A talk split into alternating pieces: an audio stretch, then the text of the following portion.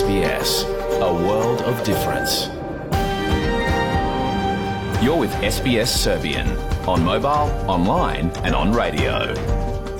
Vi ste uz SBS na srpskom, na mobilnom, na internetu i na radiju.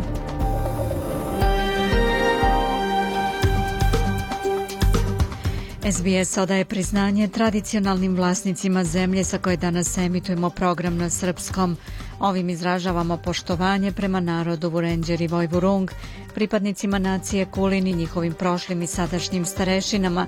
Takođe odajemo priznanje tradicionalnim vlasnicima zemlje iz svih aboriđinskih naroda i naroda sa ostrava iz Toresovog Moreuza, na čijoj zemlji slušate program. Dobar dan, danas je ponedeljak 29. januar 2024. Ja sam Biljana Ristić. U današnjem programu, posle pregleda vesti, opširan sportski izveštaj. Zatim ćemo reći ko su Australijanci 2024. a povodom dodeljenog ordena reda Australije danas razgovaramo sa dr. Katarinom Miljković, planetarnom naučnicom sa Curtin Univerziteta u Zapadnoj Australiji. Osvrnućemo se i na predlog izmena treće faze smanjenja poreza na dohodak koji je krajem prošle sedmice predstavio premijer Anthony Albanizi.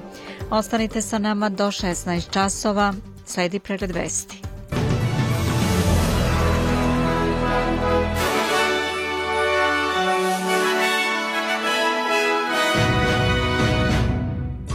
Novi Južni Vels će izričito zabraniti upotrebu nacističkog pozdrava, najavio premijer Minc. Lapsus Ursule von der Leyen Auschwitz nazvala poljskim logorom ambasade zemalja Kvinte suspendovati primenu uredbe o platnom prometu na Kosovu i Metohiji.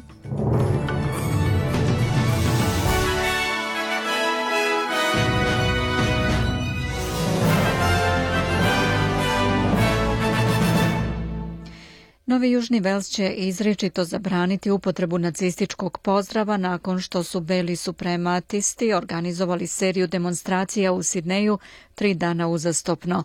Premijer Chris Minns pohvalio je policiju koja je prekinula skupove i izdala naloge za održavanje javne bezbednosti, ali kaže da će zakoni morati da budu striktniji. Dok je nacistički simbolizam zabranjen u Novom Južnom Velsu, za razliku od Viktorije, Ipak ne postoji zakon koji eksplicitno zabranjuje upotrebu nacističkog pozdrava. Gospodin Minsi rekao da će njegova vlada, ako trenutni zakoni nemaju adekvatne sankcije za ono što se dogodilo tokom vikenda, predložiti novi zakon kojim će se to učiniti ilegalnim. Savezna ministarka za pitanja radnika Tanja Plibersek rekla je za Kanal 7 da neonacističke demonstracije podgrejavaju mržnju. A number of states are proposing to toughen their own approaches as well. Uh, Izvestan broj država takođe predlaže pooštravanje svoga pristupa. Bezbednostne agencije su nam jasno stavile do znanja da porast desničarskog ekstremizma predstavlja veoma ozbiljnu pretnju u Australiji, tako da šta god možemo da uradimo na nivou Commonwealtha ili državnom nivou, trebalo bi to i da uradimo. Ovakva ideologija nema uh, mesta u Australiji. Mislim da je posebno užasno što su ove grupe izabrale ovaj vikend između Dana Australije i Dana sećanja na holokaust, rekla je Plibersek. Federalni blagajnik Jim Chalmers kaže da vlada ne razmatra bilo kakve promene u programu poznatom kao negativ gearing u okviru treće faze porezkih reformi koji će stupiti na snagu u julu, pošto je vlada prošle sedmice objavila da su inflacija i pojačani pritisci troškova života uticali na odluku da promeni način preraspodele sredstava kako bi već u korist od poreskih olakšica imali građani sa nižim i srednjim zaradama. We have made welcome and encouraging progress Postignut je ohrabrujući napredak u borbi protiv inflacije, ali misija nije ispunjena jer su ljudi i dalje pod pritiskom. Zato predviđamo veće smanjenje poreza za veći broj ljudi, a bez dodatnih inflatornih pritisaka na ekonomiju, rekao je Chalmers. O ovoj odluci vlade opširnije i kasnije u programu. Naknade za brigu o deci su rasle brže od inflacije i plata od kada su uvedene poreske olakšice koje su imale ograničen uticaj u vršenju pritiska na smanjenje cena. Konačni izveštaj Australijske komisije za zaštitu konkurencije na tržištu i prava potrošača o istrazi o brizi o deci koji je danas objavljen pokazuje da su subvencije generalno smanjile dodatne troškove poredičnog budžeta u svim prihodovnim grupama a nezavisna senatorka Jackie Lambie smatra da bi vlada trebalo više da uradi po pitanju rasta životnih troškova.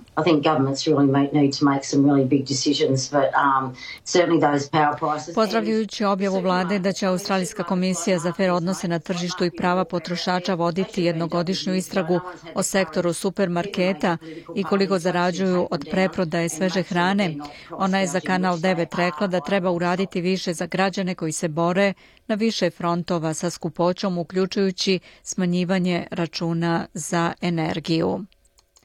Slušate SBS na srpskom 15 časova i 6 minuta je. Severna Koreja je lansirala više krstarećih raketa sa lokacije na svojoj istočnoj obali, saopštila je južnokorejska vojska, Nije precizirano koliko je raketa lansirano, ali je navedeno da je povećana budnost južnokorejske vojske i nadzor severnokorejskih vojnih aktivnosti, kao i da se u saradnji sa američkim vojnim snagama analiziraju najnovija raketna testiranja Severne Koreje, prenosi agencija Reuters.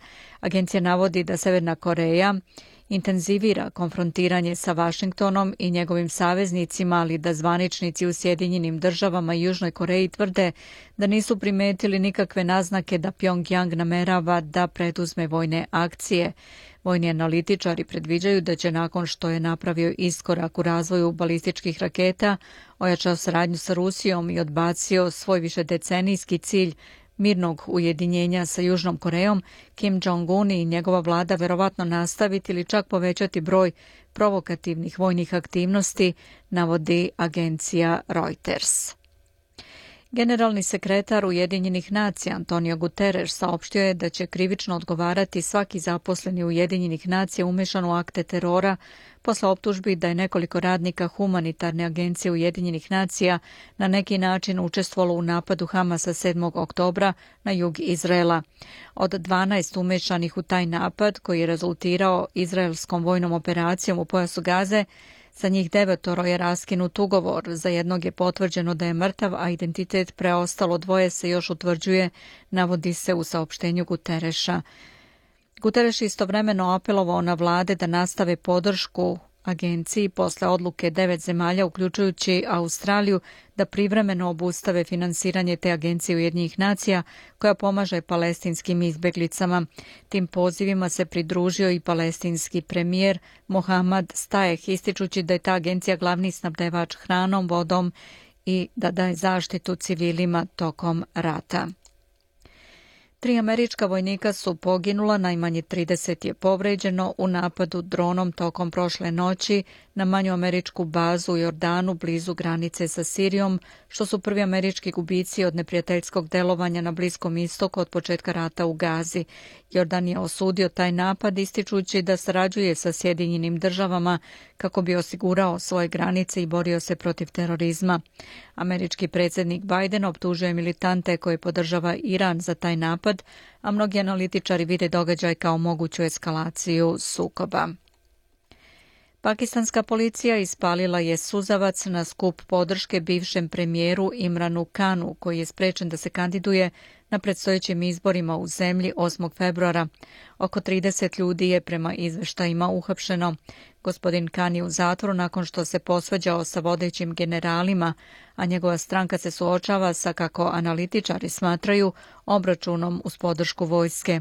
Vojska negira optužbe i kaže da je i dalje apolitična a posle pucnjave u katoličkoj crkvi Santa Maria u Istanbulu u kojoj je jedna osoba ubijena, turska vlast uhapsila je dvojicu naoružanih napadača, saopštio je turski ministar unutrašnjih poslova Ali Jerlikija. Motiv napada turske vlasti nisu saopštile, a nije poznat ni identitet osumnjičenih. Odgovornost za napad preuzela je islamska država, Kandidat desnog centra Aleksander Stub iz Finske nacionalne koalicijane partije pobedio je u prvom krugu predsjedničkih izbora u Finskoj uz podršku od 28,3% birača, pokazuju podaci tamošnjeg ministarstva pravde, a nakon zatvaranja birališta. Drugoplasirana je Pekka Hevisto iz Liberalne zelene partije sa 25,8% glasova, slijedi Jussi Halaho iz nacionalističke finske partije sa 16,1 pokazuju podaci na osnovu 61,3 prebrojanih glasova. Drugi krug u kome će učestvovati dvojica prvo rangiranih biće održan 11. februara, budući da je izvesno da nijedan kandidat neće dobiti više od 50% glasova. Finska bira novog predsednika koji će voditi spoljnu i bezbednostnu politiku zemlje u njenoj novoj ulozi u NATO-u, nakon što je raskinula sa neutralnošću da bi se pridružila Severnoatlantskom odbrambenom savezu kao odgovor na ruski napad u Ukrajini. Burne reakcije u Poljskoj zbog greške koju je na društvenim mrežama napravila šefica Evropske komisije Ursula von der Leyen, koja je napisala da je Auschwitz bio poljski logor, da bi kasnije izmenila objavu i napisala da je reč o logoru nacističke Nemačke, prenosi Associated Press. Portparol Evropske komisije Christian Vigand nije odgovorio na zahtev za komentar niti se javljao na telefon. Na objavu je reagovao bivši poljski ministar spoljnih poslova Radoslav Sikorski. Kada se govori o nacističkim logorima za istrebljenje u Auschwitzu, treba se naglasiti da su uspostavljeni pod nemačkom okupacijom, napisao je on na nalogu X. Ističe da informacija koju je objavila predsednica Evropske komisije mora biti razjašnjena. Međunarodni dan sećanja na žrtve holokausta obeležen je kod spomenika žrtvama genocida u drugom svetskom ratu na starom sajmištu u Beogradu. Vence kod spomenika žrtvama genocida u drugom svetskom ratu položili su predstavnici vlade, diplomatskog kora i udruženja jevreja i Roma. Međunarodni dan sećanja na žrtve holokausta obeležava se od 2005. i donošenje rezolucije Generalne skupštine Ujedinjenih nacija Dan kada je 1945. godine oslobođen koncentracioni logor Auschwitz, Generalna skupština Ujedinjenih nacija proglasila je kao dan ljudskih prava, prevencije i kažnjavanja zločina genocida, kao i stalno prisutne opasnosti od rasne nacionalne i verske mržnje, zasnovanih na predrasudama. Ambasade zemalja Kvinte, Francuske, Nemačke, Italije, Ujedinjenog kraljevstva i Sjedinjenih država u Prištini su pozvale na suspenziju primene uredbe Centralne banke u Prištini prema kojoj je od 1. februara evro jedino sredstvo za obavljanje gotovinskih platnih transakcija.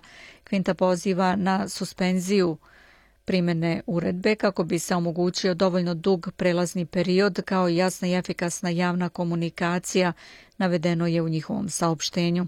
Iz Narodne banke Srbije su istakli da su najavljene mere Prištine za onemogućavanje unosa i korišćenja srpskog dinara na Kosovo i Metohiju usmerene isključivo na uskraćivanje osnovnih prihoda koje stanovništvo i privredni subjekti stvaraju u dinarima na Kosovu i Metohiji, a samim tim i na onemogućavanje elementarnih uslova za opstanak pre svega srpsko, srpskog stanovništva.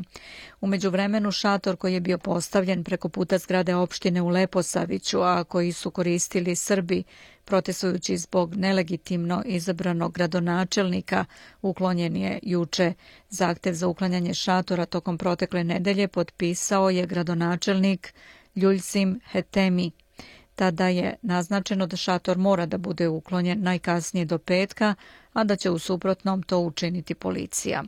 A povodom uklanjanja obeleže Republike Srbije i postavljanja tabli sa natpisom Republika Kosovo na centrima za socijalni rad u Leposaviću u severnom delu Kosovske Mitrovice oglasila se Kancelarija za Kosovo i Metohiju vlade Srbije. Ocenila je da je reč o još jednom činu nasilja o kojem je obavešten predsednik u dijalogu Beograda i Prištine Miroslav Lajčak.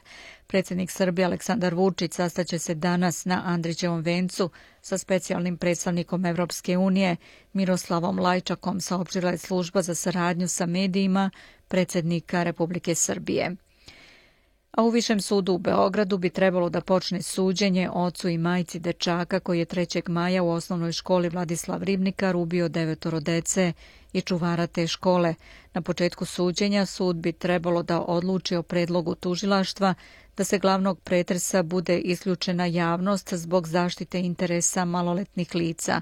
Nakon toga tužilaštvo i odbrana bi trebalo da iznesu svoja uvodna izlaganja, dokazne predloge i da se optuženi izjasne o krivici. Suđenje je zakazano i za 30. januar. I na kraju ovog bloka jaka kiša nastavila je da pada u Queenslandu nakon što je na hiljade stanovnika provelo sate u mraku zbog nestanka struje izazvanog tropskim ciklonom Kirili.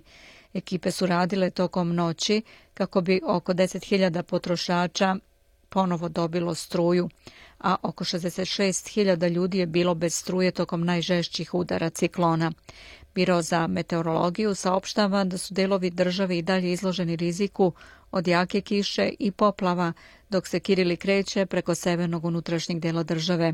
Centralni južni Queensland biće u većoj opasnosti od iznenadnih poplava početkom nedelje, kao i delovi severnog Novog Južnog Velsa, pošto se tropska niska struja kreće niz obalu. Da pogledamo i kolika je vrednost australijskog dolara danas. Prema američkom vradi, vredi 66 centi, 61 euro 52 britanska penija i 70 srpskih dinara, 92 pare. Na kraju pregleda vesti da pogledamo vremensku prognozu tokom popodneva. U Pertu vetrovito vreme sa 28 stepeni, Adelaida sunčano 30, u Melbourneu trenutno 28, takođe sunčano. Pretežno sunčano je u Hobartu sa 24, sunčano u Kamberi i Sidneju sa 31, kiša u Brisbaneu 27 i u Darwinu 29. U Beogradu tokom dana većinom sunčano do 6 stepeni. Slušali ste pregled vesti na srpskom. Za sve naj najnovije posetite sbs.com.au kosacrta news.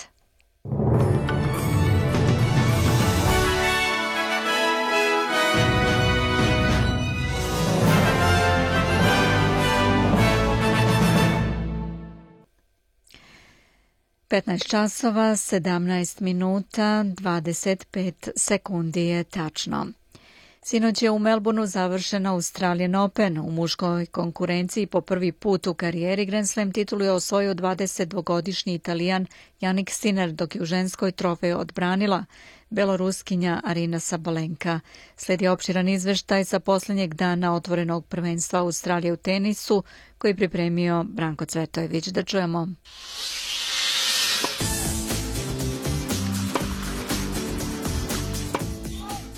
Pobedom Janika Sinera u muškom finalu u nedelju uveče je završeno ovogodišnje otvoreno prvenstvo Australije u tenisu. Mladi 22-godišnji Italijan osvojio je svoju prvu Grand Slam titulu pošto je uspeo da posle dva izgubljena seta savlada Rusa Danila Medvedeva sa 3 prema 2. U finalu koje će ostati upamćeno po ovom velikom preokretu, Siner je potvrdio da se trenutno nalazi u najboljoj formi i zasluženo je osvojio trofej Normana Bruksa. Do meča za titulu Italijan je izgubio samo jedan set na turniru i to u polufinalu kada je sa 3-1 savladao prvog tenisera sveta Novaka Đokovića. Sinner je tako postao najmlađi pobednik Australijan Opena još od 2008 kada je upravo Đoković samo 20 godina i 7 meseci osvojio prvu od dosadašnjih 10 titula u Melbourneu. Posle finala četvrti reke Cveta se zahvalio svom timu i svojim roditeljima na podršci koju mu pružaju, a zatim je u izjavi za Kanal 9 čestitao Medvedevu na izvanredno odigranom turniru. Um, Znam da smo već odigrali mnogo finala jedan protiv drugog, ali svaki put nađem nešto što mogu da unapredim u svojoj igri kada igram protiv tebe, rekao je Siner i poručio Medvedevu da ga mečevi s njim čine mnogo boljim teniserom. Rivalstvo između Sinera i Medvedeva zaista postaje novi blokbaster muškog tenisa – Njih dvojica su se samo u poslednjih godinu dana sastali u čak pet finala na turnirima širom sveta. Posle dve pobede ruskog tenisera usledio je niz uspeha mladog Italijana. Siner je u Melbourneu ostvario treći uzastopni trijumf protiv Medvedeva u mečevima za titulu.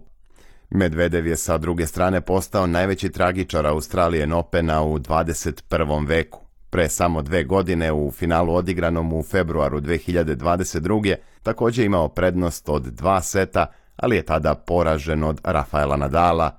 Rus je tako postao prvi teniser u Open eri koji je dva put ostao bez trofeja u finalu Grand Slam turnira nakon što je vodio sa 2-0 u setovima.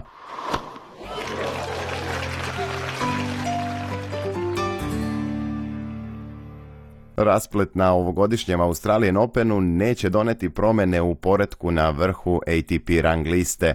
Prvo mesto uprkos eliminaciji u polufinalu i dalje drži osvajač 24 Grand Slema Novak Đoković, a na drugom mestu je Španac Carlos Alcaraz koji je takmičenje završio u četvrtfinalu porazom od Aleksandra Zvereva.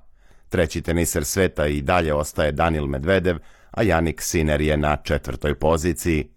Međutim, iako je poredak ostao nepromenjen, bodovna razlika između ove četvorice tenisera sada je značajno smanjena. Đoković ima 600 bodova više od Alkaraza, 1100 od Medvedeva, odnosno 1500 u odnosu na Sinera. Đoković je posle poraza u polufinalu Australian Opena izjavio da ga je mladi Italijan nadigrao u svim segmentima igre. Sobstvenu partiju ocenio je kao jednu od najslabijih koju je pružio na nekom Grand Slamu.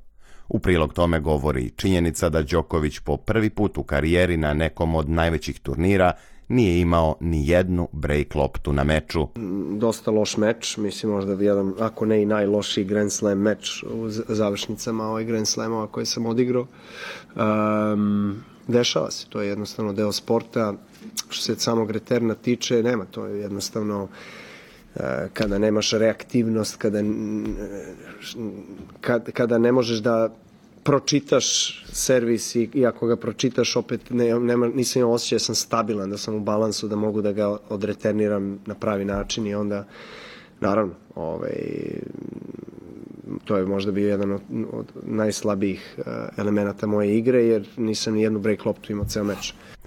Na pitanje da li će se ovaj poraz odraziti na njegove ambicije u nastavku sezone, Đoković je vrlo otvoreno odgovorio da je u ovom trenutku njegove karijere sve moguće. Ne znam, stvarno ne znam kako će se stvari odvijati ovaj, kada čovjek izađe sa terena i e, posle poraza je uvek nekako vruća glava i tu mm, se, se boriš da, da budeš racionalan, ali puno neracionalnih stvari se dešava u glavi, tako da ovaj, želim da malo pustim da se, da se slegnu ovaj, stvari i misli i onda da nastavim dalje ovaj, u kom tempu, na kojim turnirima, to ćemo još vidjeti, ne znam, po, po sezona je tek počela, ja se jesam na neki način u svoj, sebi obavezao da ću da odigram ovu sezonu još do kraja u smislu toga da ću gledati da ovaj, prioritizujem i da igram najbolji tenis na najvećim turnirima, Grand Slamovima, Olimpijadi.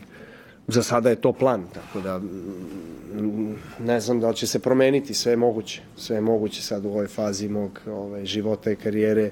Ostaće zabeleženo i da je Janik Sinner prekinuo rekordnu seriju pobeda Novaka Đokovića u Melbourneu. Poraz od Italijana bio je prvi koji je srpski as pretrpeo na Australijan Openu još od 2018. godine – kada ga je savladao Korejac Chung. Od tada do 26. januara ove godine Đoković je bio neporažen u Melbourneu čak 2195 dana.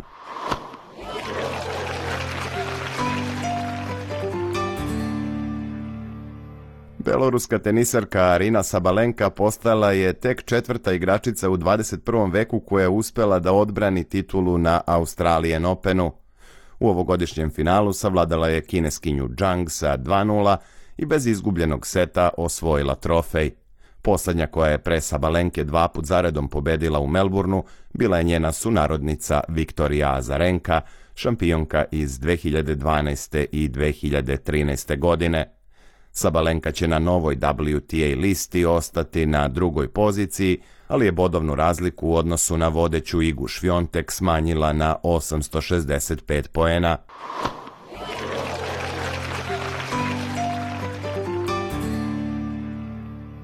Australijanac Matthew Ebden i indijac Rohan Bopana osvojili su titulu u muškom dublu na Australian Openu. Njih dvojica su u finalu savladali italijanski par Boleli Vavasori sa 7-6-7-5. Bopana je tako sa 43 godine postao najstariji teniser koji je podigao šampionski trofej u dublovima na nekom Grand Slam turniru. Gledano zbirno, Bopana i Ebden su ubedljivo najstariji šampionski par, ukupno njih dvojica zajedno imaju 80 godina i 26 dana. Bio je ovo poslednji dnevni pregled dešavanja na ovogodišnjem Australian Openu u tenisu. U nastavku donosimo nekoliko najznačajnijih vesti iz ostalih sportova.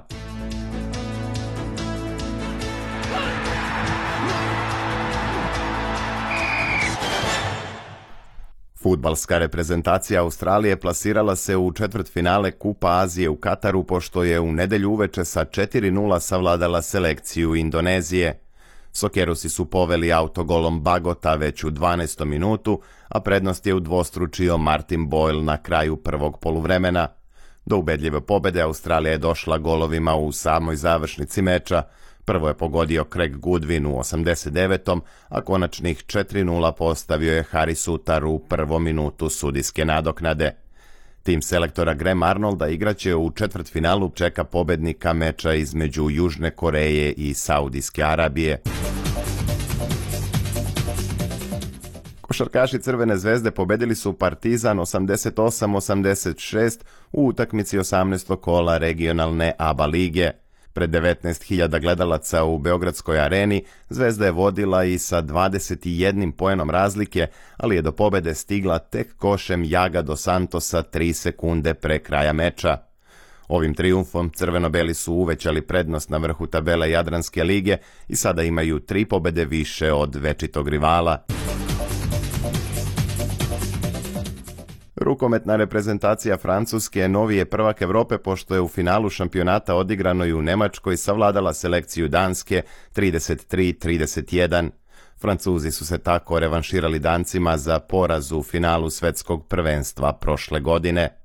Francuzima je ovo četvrta titula evropskog šampiona u istoriji, dok je treće mesto na prvenstvu osvojila reprezentacija Švedske pobedom protiv domaćina Nemačke 34-31. SBS se ogledalo aktualnih zbivanja u sportu.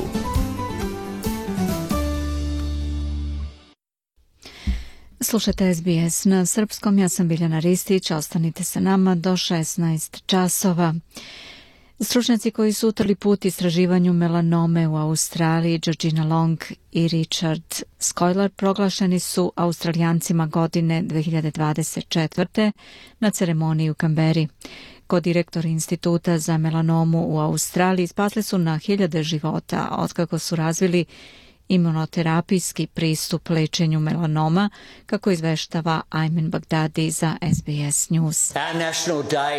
Australijance godine proglasio je premijer Anthony Albanizi, koji je podvukao da je dan Australije značajan dan kad se osrćemo na uspehe Australijanaca. Nikada nismo zamišljali da će nas naše životno delo dovesti do ovde. Stojimo ovde večer večeras i ponosno predstavljamo svakog pacijenta koji se razbole od melanoma i njihove porodice, ali i one sa rakom mozga i svim vrstama raka. Delimo ovu neverovatnu čast sa divnim timom koji nas podržava u Institutu za melanomu, svetski vodećom ustanovom za istraživanje melanoma, i kliničku negu. Naše misli su uvek sa onim porodicama gde su naši revolucioni tretmani došli prekasno. Za uvek smo dužni vašim najmilima i svim našim pacijentima za njihovu nesebičnu posvećenost istraživanju, što je promenilo budućnost za druge, odnosno ozi prijateljstvo u svom najboljem izdanju.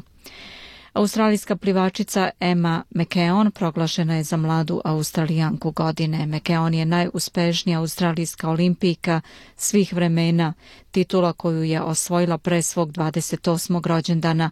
Na letnjim olimpijskim igrama 2020. Emma je postala prva plivačica i druga žena u istoriji koja je osvojila sedam medalja na jednoj olimpijadi.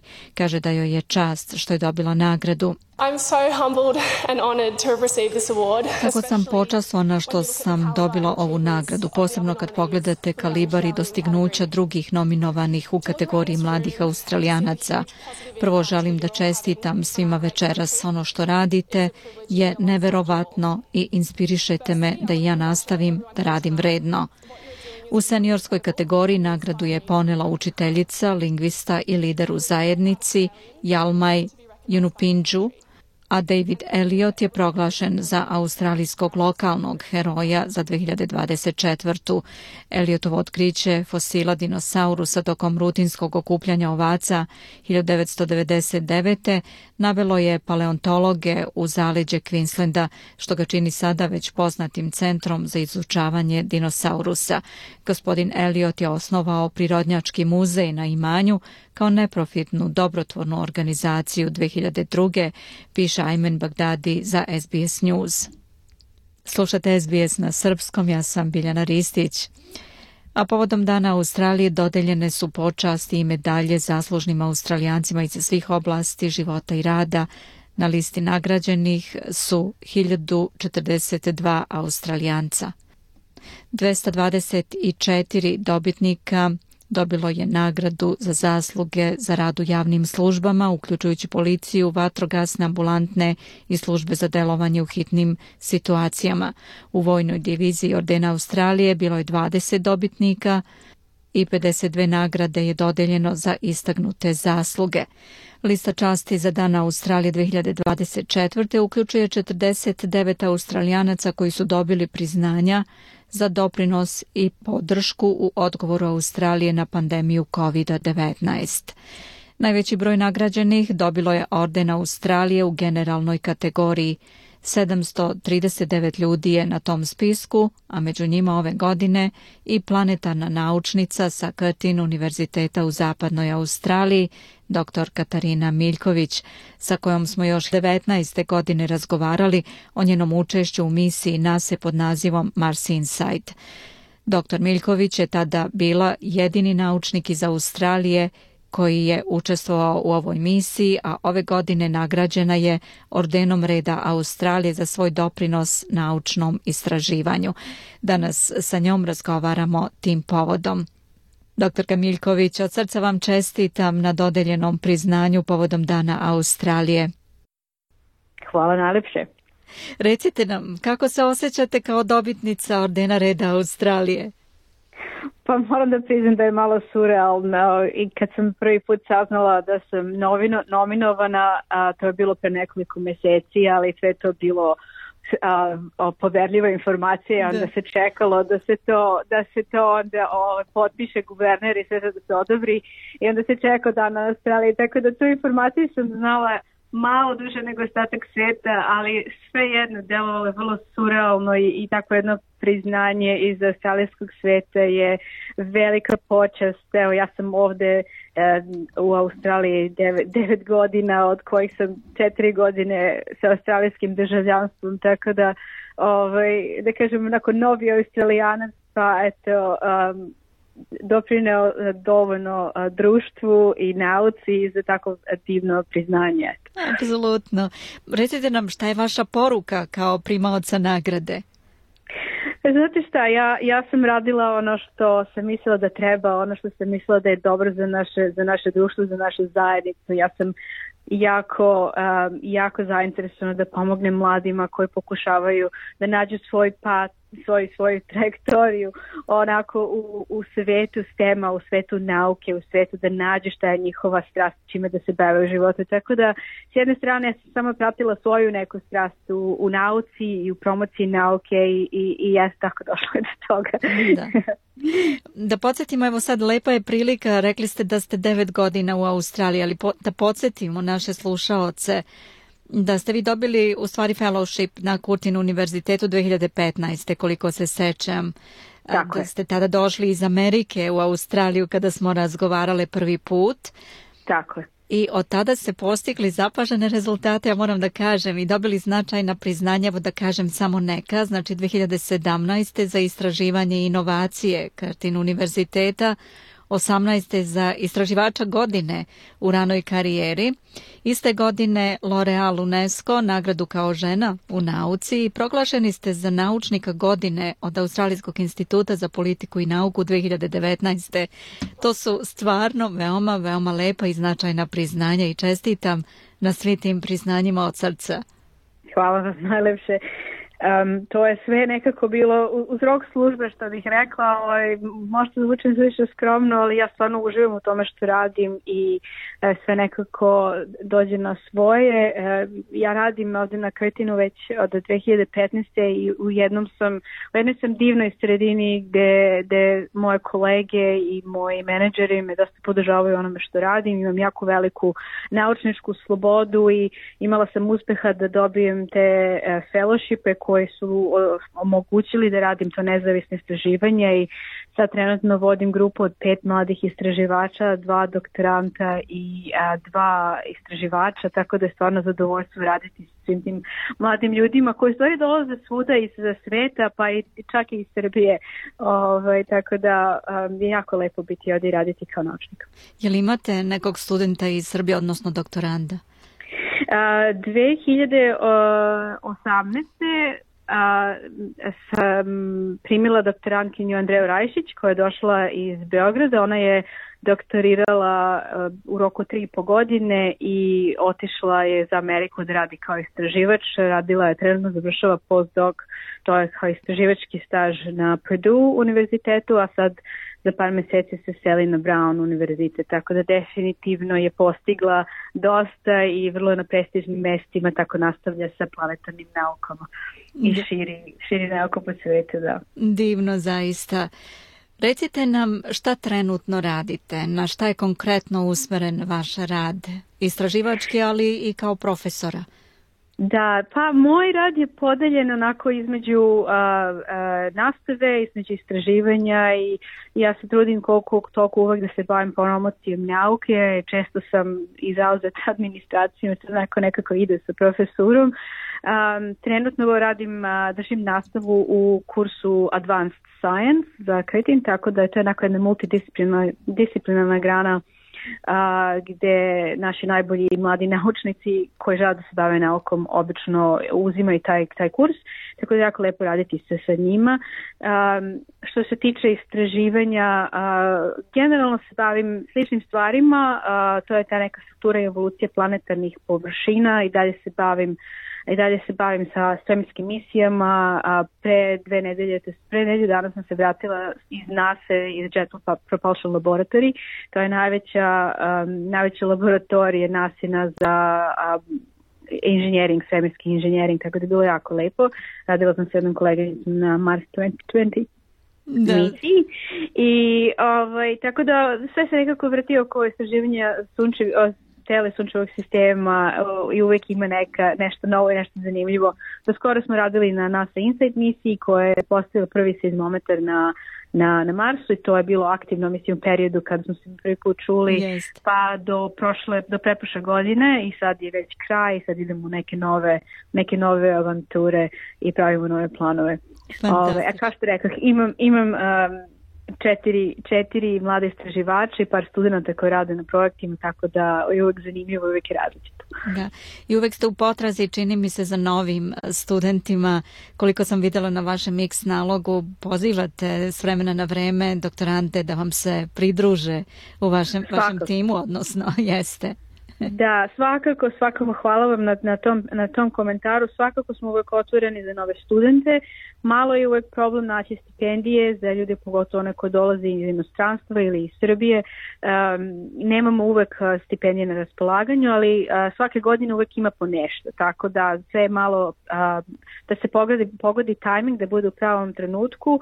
Obično, ako imamo neke stipendije, to je tako negde um, oko augusta, septembra, da se da su prijeve, ali ima i drugih tako nekih šema, nazovi programa po Australiji koje možda mogu da studenti da se prijeve da dobiju stipendiju, ali što se tiče projekata našeg nekog fundinga, trenutno, trenutno smo u tom nekom cikličnoj fazi, pa trenutno nema baš onako na izvolte, ali ove, nadam se biće. Mm. Videla sam tamo uz objašnjenje za dobijenu nagradu da ima da ste i predavač na Women in Physics Lecturer, tako kažu. Recite nam, kao neko ko je posvećen doprinosu žena u fizici, šta biste rekli? Da li možda interesovanje žena za tu oblast veće, manje? Da li vaš primer može da ih inspiriše u tome? Pa ja se iskreno nadam da, da, da, da mogu da služim delom, delom kao inspiracija mladim nadama. To je i velika motivacija ovog promocije nauke koje radim je da bi se mlade nade videla da, da ima budućnosti u, u prirodnim naukama i u fizici pogotovo. Mislim, ja kada sam studirala u u Beogradu nas je bilo više žena nego muškaraca na fizici, ja mislim. To je bilo onako vrlo interesantno. Ali ono nekako kako je vreme išlo i kad smo došli ovde nekako se čini kao da nema dovoljno žena u fizici i onda um, je vrlo interesantno da, da se dokaže da stvari da one koje stvarno vole e, prirodne nauke koji su zainteresni za fiziku da to nije nikakav bauk i da treba da prate ono što, što ih stvarno interesuje. Um, tako da um, ja sam pre, sad to bi bilo pre, pretprošla godina, a, a, Institut za fiziku, Australijski institut za fiziku stipendirao moju a, turneju, išla sam na nacionalnu turneju, držala sam predavanja, preko 30 predavanja, skoro svuda po Australiji, za, u roku od nekoliko meseci i to je, to je stvarno bilo divno doći doći u kontakt sa studentima, sa đacima u srednjim školama i sa zainteresovanim koji dolaze na observatorije. Tako da isto je bitno ovaj, pričati sa mladim mladima koliko je bitno pričati sa njihovim roditeljima i njihovim bakama i dedama i tako da postoji ta neka svest da, je, da ima budućnosti u fizici i generalno svi naši eh, studenti koji su završili fiziku su svi uspešno našli posao. Fantastično. Oni koji su zainteresovani da dođu u kontakt sa vama, vi imate svoje profile na socijalnim medijima i kako uopšte mogu doći pretpostavljam preko fakulteta, je li tako? Da, da, da, ima, imam, imam na socijalnim medijima, imam moj profila, generalno su otvoreni, e, takođe imam taj kozovni staff page, znači ako samo ukucaju moje ime Katarina Miković u, u Google izaći će verovatno naj, najpopularniji sajtovi moje staff page, tako da tu ima e-mail i slobodno mogu da se jave. Fantastično. Mi redovno pratimo sve što radite, tako da što god se zanimljivo dešava, mi ćemo se ponovo čuti. Ja vam od srca još jednom čestitam na priznanju koje ste dobili. Hvala vam najlepše, baš mi drago da smo se čuli. Apsolutno. Moj sagovornik, dr. Katarina Miljković, koja je dobila Orden reda Australije za svoj doprinos naučnim istraživanjima ove godine. Vi slušate SBS na srpskom, ja sam Biljana Ristić. SBS On Demand nudi na stotine TV emisija i filmova koje možete gledati besplatno. Preuzmite SBS On Demand app ili posetite web sajt danas. 15 časova, 45 i pol minuta je slušate SBS na srpskom. Kokus laborističke stranke doneo predlog izmena treće faze smanjenja poreza na dohoda koji je krajem prošle sedmice javnosti predstavio savezni premijer Anthony Albanizi. Kako je istakao, inflacija i pojačani pritisci troškova života uticali su na odluku vlade da promeni način preraspodele sredstava kako bi veću korist od olakšice imali građani sa nižim i srednjim zaradama. Albanizi je doneo, odnosno dodao, i da je ekonomska situacija danas značajno drugačija nego 2018. kada je koalicijona vlada donela postojeći plan smanjenja poreza u tri faze. Šta je laburistima potrebno da bi ovaj izmenjeni plan bio i usvojen, čućemo u narednom prilogu koji je pripremio Branko Cvetović. Zakonska uredba kojom je predviđeno da 1. jula ove godine stupi na snagu treća faza smanjenja poreza na dohodak pretrpeće značajne promene ukoliko laboristička vlada dobije podršku u parlamentu za predlog koji je u četvrtak objavio premijer Antoni Albaneze. Prema planu trebalo bi da dođe do promena pragova poreskih razreda koji će omogućiti da veći broj australijanaca dobije olakšice, kao i da oni sa nižim i srednjim zaradama imaju veće benefite nego što je predviđeno aktuelnom uredbom koja je doneta 2018. od strane tadašnje koalicione vlade. Predlog Albaneza kabineta izazvao je različita reagovanja, uključujući i optužbe od strane opozicije da su laburisti ovim prekršili jedno od svojih ključnih predizbornih obećanja iz maja 2022. Naime, tada su Albaneze i njegovi saradnici tvrdili da ukoliko dođu na vlast, neće menjati postojeću treću fazu poreskih olakšica. Obraćajući se javnosti iz nacionalnog pres kluba u Kamberi, premijer je prošlog četvrtka istakao da je na odluku njegove vlade da ne ostane dosledna obećanju, uticala znatno izmenjena ekonomska situacija u zemlji. I recognize as the treasury analysis Albaneze je istakao da je analiza Trezora potvrdila da su domaćinstva zaposlenih Australijanaca pretrpela najbrži rast troškova života, te da je zbog toga i zatražio Trezora i Ministarstva financija da ponude opcije koje će pomoći ljudima sa njihovim troškovima, a da se istovremeno nastavi i važna borba protiv inflacije. Australijancima treba pomoć i oni zaslužuju više pomoći. Sada mogu da potvrdim da će ta pomoć uskoro i uslediti, rekao je Albaneze. Predlogom savezne vlade deo novca namenjenog za poreske olakšice ljudi s najvećim zaradama trebalo bi da bude preraspodeljen i to na takav način da dodatno smanjenje dobiju oni sa nižim i srednjim primanjima. Prema ovom planu, od 1. jula će svi koji zarađuju manje od 150.000 dolara godišnje dobiti veće olakšice, dok će oni koji imaju visoke prihode dobiti samo polovinu od prvobitno predviđenog smanjenja poreza – Prevedeno u brojke, osobe sa prosečnim prihodima moći će da računaju na umanjenje poreza od 800 dolara, dok će olakšice dobiti i ljudi sa najnižim dohotkom, pošto je predviđeno da najniži porezki prag u buduće iznosi 16% umesto važećih 19%. This is the right decision being done for the right reasons. Kako je ocenio premijer Albaneze, ovo je ispravna odluka koja je doneta iz pravih razloga. Takođe je istakao da je reč o razumnom paketu koji neće povećati troškove budžeta, već će isti iznos novca biti bolje raspodeljen i ministarka financija Keti Gallagher pridružila se Albanezeu u pohvalama na račun predloženog plana. Gallagher kaže da je vlada pažljivo razmislila ovome i da se plan zapravo zasniva na promenama poreske skale. Želimo da ljudi rade više i zarađuju više i ovaj plan upravo tome doprinosi. Što je najvažnije, od 1. jula ljudi će imati više novca u džepu, rekla je ministarka Galaher i naglasila da će više od 11,5 miliona australijanaca dobiti veće smanjenje poreza nego što je bilo predviđeno. Kako je u svom obračunu izneo Poreski institut, građani sa najvećim prihodima od preko 180.000 dolara godišnje umesto 9.000 dolara dobit će smanjenje od 4.500.